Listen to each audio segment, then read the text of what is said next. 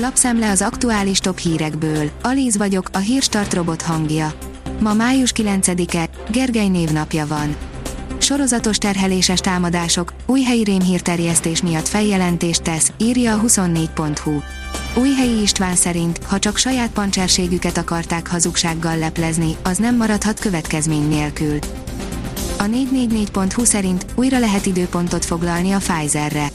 Elvileg csak azok a 18-59 évesek tudnak időpontot foglalni, akik előzetesen regisztráltak oltásra, és akik SMS-t kaptak. A napi.hu szerint valami nem stimmel, hajnalban megrogyott a Paksi atomerőmű. Hajnalra eltűnt a Paksi áramtermelés fele, az okokról előzetesen nem jelent meg hivatalos tájékoztatás. Ha nem lesz nagyon felhős az ég, akkor a délkörüli idősávban zömmel a napelemekkel termelt áramot fogyasztja az ország. Utólag a Paksi vállalat közleményben tudatta, hogy nem történt üzemzavar. A 168.hu oldalon olvasható, hogy Merkely a sajtót és a Facebookot okolta, hogy nem oltakoznak az emberek. Nem szabad elveszteni az oltakozási kedvet, 5 millió beoltott elérése után nem fordulhat rossz irányba a koronavírus járvány, mondta a Semmelweis Egyetem rektora a Kossuth Rádióban. Az ATV oldalon olvasható, hogy Dobrev Klára elmondta, mi az álma. Május 9-én tartják az Európa napot, ennek alkalmából posztolt videót a DK miniszterelnök jelöltje. A Hír TV oldalon olvasható, hogy Putyin nincs bocsánat azok számára, akik elfelejtették a második világháború tanulságait.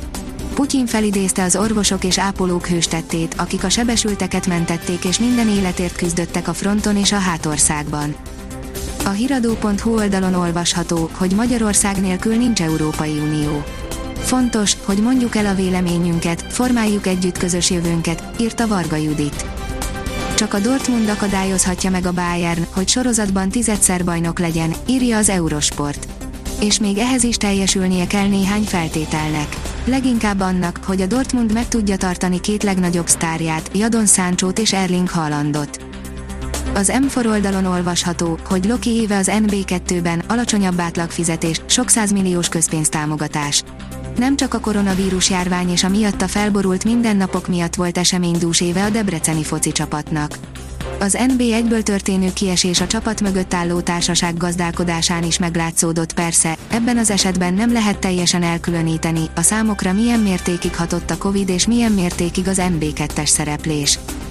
Majdnem fejfej mellett a négy vezető politikai erő Olaszországban, írja a kitekintő. A liga valamivel 22% alatt van, az Fádi pedig túllépte a 18%-ot. A baloldali demokrata párt nem éri el a 20%-ot, az öt mozgalom pedig 17%-os támogatottságot tudhat magáénak. Az m4sport.hu írja, ha Rebrov távozik a Ferencvárostól, a Roma korábbi edzője jöhet a helyére. A magyar bajnoknál felkészülnek Szerhí Rebrov esetleges távozására. A kiderül szerint 30 fokkal tetőzik a májusi nyár. A jövő hét első napjaiban tovább melegszik az idő, majd a hét közepétől egyre több helyen számíthatunk záporokra, zivatarokra, ezzel együtt mérséklődik a nappali felmelegedés. A Hírstart friss lapszemléjét hallotta. Ha még több hírt szeretne hallani, kérjük, látogassa meg a podcast.hírstart.hu oldalunkat, vagy keressen minket a Spotify csatornánkon. Az elhangzott hírek teljes terjedelemben elérhetőek weboldalunkon is. Ha weboldalunkon hallgat minket, az egyel korábbi adás lejátszása automatikusan elindul. Beállíthatja, hogy az összes korábbi adás, vagy csak az aktuális tematika hírei következzenek. Köszönjük, hogy minket hallgatott!